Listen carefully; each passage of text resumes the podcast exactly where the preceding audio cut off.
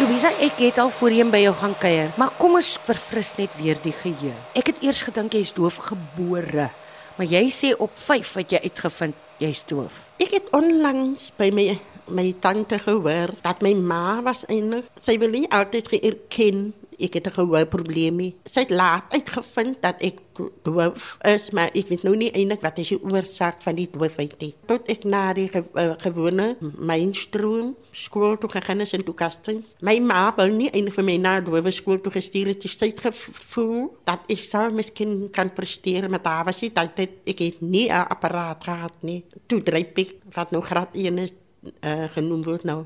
Daarna toe word ek gestuur na die doof skool en wat ek me die Dominikaanse skool vir dowes daar kry ek twee apparate net daar het daar die apparate vir my 'n wêreld oopgemaak ek is hardhorend ek is 'n stokdoofie maar ek kan gesprek voer ek kan baie goed lippe lees. So mense kan my skinder.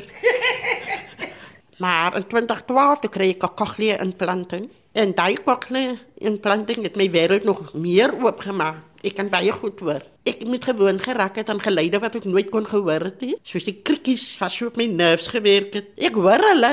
Hulle sê my so baie nie, maar dit plan nie meer vir my nie. Ek is gewoond aan daardie harde geluide. Jy het besluit dat jy ten spyte van die feit dat jy hardhorend is, ten spyte van alles, het jy besluit jy gaan 'n haarkapper word. Dis jare, né? Toe ek in graad 6 was by die Dominikaanse skool, het die skool nou vir my gesê dat hulle kan nie vir my verder kan onderrig nie. Die res van die kinders het besluit hulle gaan in 'n fabriek werk. Ek het myself gesê ek sien nie myself in 'n fabriek. Ek het myself gaan inskryf by die Rywensmith Hoërskool in Rywensmith in ons omgewing. Maar in daai jaar wat ek op skool was, sy het nie gewas. Het ek by haar kapper uitgejaag as 'n shampoo girl. En daad ek besluit ek wil haar kapper word. En my baas het besluit om vir my te stuur as 'n vakleerling met die doel om verder te gaan leer my eerste en tweede jaar by Atlantic en die derde jaar het ek opgegee nie. Ek het my ek het in die tyd wat ek gewerk het, ooh, maar ek het baie min geld verdien. Regtig. Ek het 100 rand 'n week verdien.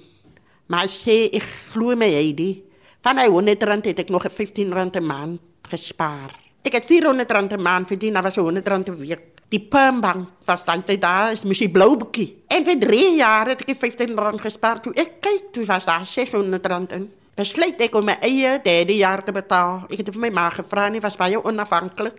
Ek het altyd gewerk met geld. Jy kan my vra oor alles. Ek lees, lees en lees en lees. Jy het vir my my woordeskat gegee. Soms as jy nie alles gehoor nie, maar lees en lees. OK, ek het vandag my eie besigheid. Ek is al 35 jaar haar kappery. Uh met al my ondervinding wat ek gedoen het, het ek my treites in 2009 gedoen met my ma was al oorlede al. Toe kyk ek na my pa in die tyd en daarna het ek besluit ek kan nog baie meer doen. E, ek het 'n assessor geword In 2013 het ek 'n kursus gedoen by Boston uh, campus. Ek is nou 'n moderator. In 2022 toe kry ek my eerste akkreditasie in aardkappery. In 2023 November toe kry ek my tweede akkreditasie in skills program. Jy moet die opleiding hê om die jaarbedryf te kan verstaan. So ek geniet dit Jy weet wat dit is om 'n pad te stap. Jy weet wat dit is om 'n kronkelpad te stap. En nou wil jy jong mense aan die hand vat om hulle te help. Dit hang eintlik van elke jong mens af. As hulle gemotiveer genoeg is. Dit is eintlik 'n 3 jaar kursus, maar dit hang van daardie persoon af as hy gaan bereid wees om van iemand anders te kan leer. Ek het van iemand advies gevat. Sommige mense gee te gou moed op Hulle gee te gou op. Ek weet van studente wat gou opgee. Hulle wil vinnig geld verdien. As 'n leerproses. In die volgende jaar sal ek begin om Noordlynse studente te huisves vir die volgende 3 jaar, sodat hulle meer prakties kan doen en die trek kan verstaan. Jy moet kan 'n verskil maak. Enige styl moet jy kan ontwerp. Ek het verlede jaar Desember het ek twee doewe studente van die Dominikaanse skool gehad. Dit kos vir my sign language om met hulle te kommunikeer. Ek glo dat hulle kan ook iets bekom soos ek het bekom het. Ek het myself uit daardie boks uitgehaal om te word wat ek vandag is. Want niemand gaan vir my help nie. So ek wil sulke tipe kinders ja, van ek weet hulle word nie aangemoedig nie. Louisa, is jy baie trots op waar jy nou vandag is? Wat jy ander kan leer? Ek is baie trots vir wie ek vandag is, regtig met gebrek of wat, maar ek het iets om vir hulle te bewys. Daar's baie herders wat opgeslaan word en niemand kry 'n kwalifikasie nie. En ek sien uit daarna om hierdie skills aan te gee. Ek weet ek het dit om 'n verskil te maak. Daar's baie geleenthede in 'n haarbedryf. As jy net flat iron blou dry en flat iron en blou dry stryd nee. En jy kan al daai style doen hè. Ek kan alles doen. Ek kan alles doen, net die braidings doen nie, maar sal met iemand aanstel. Maar ek kan alles regmaak.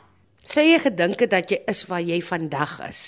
Omdat my ma so ontkennend was aan my gebrek, het ek gesien sy was eintlik altyd daar om vir my miskien te motiveer. As 'n baie hartseer storie, maar daaroor wil ek nie praat nie. Maar soms is dit baie so verwerp gevoel en ek besluit nie, iets moet ek word want niemand gaan my op in hierdie huis sien. So ek is trots op wat ek bereik het. Vir baie is dit amper soos 'n verrassing, maar is net hierdie Here se genade. Die Here het 'n plan met dowes, met gebrekkes, met wie ewe enige gestremdhede het die Here 'n plan. Ewen met die blinde sê die Here, daar is 'n doel vir alles.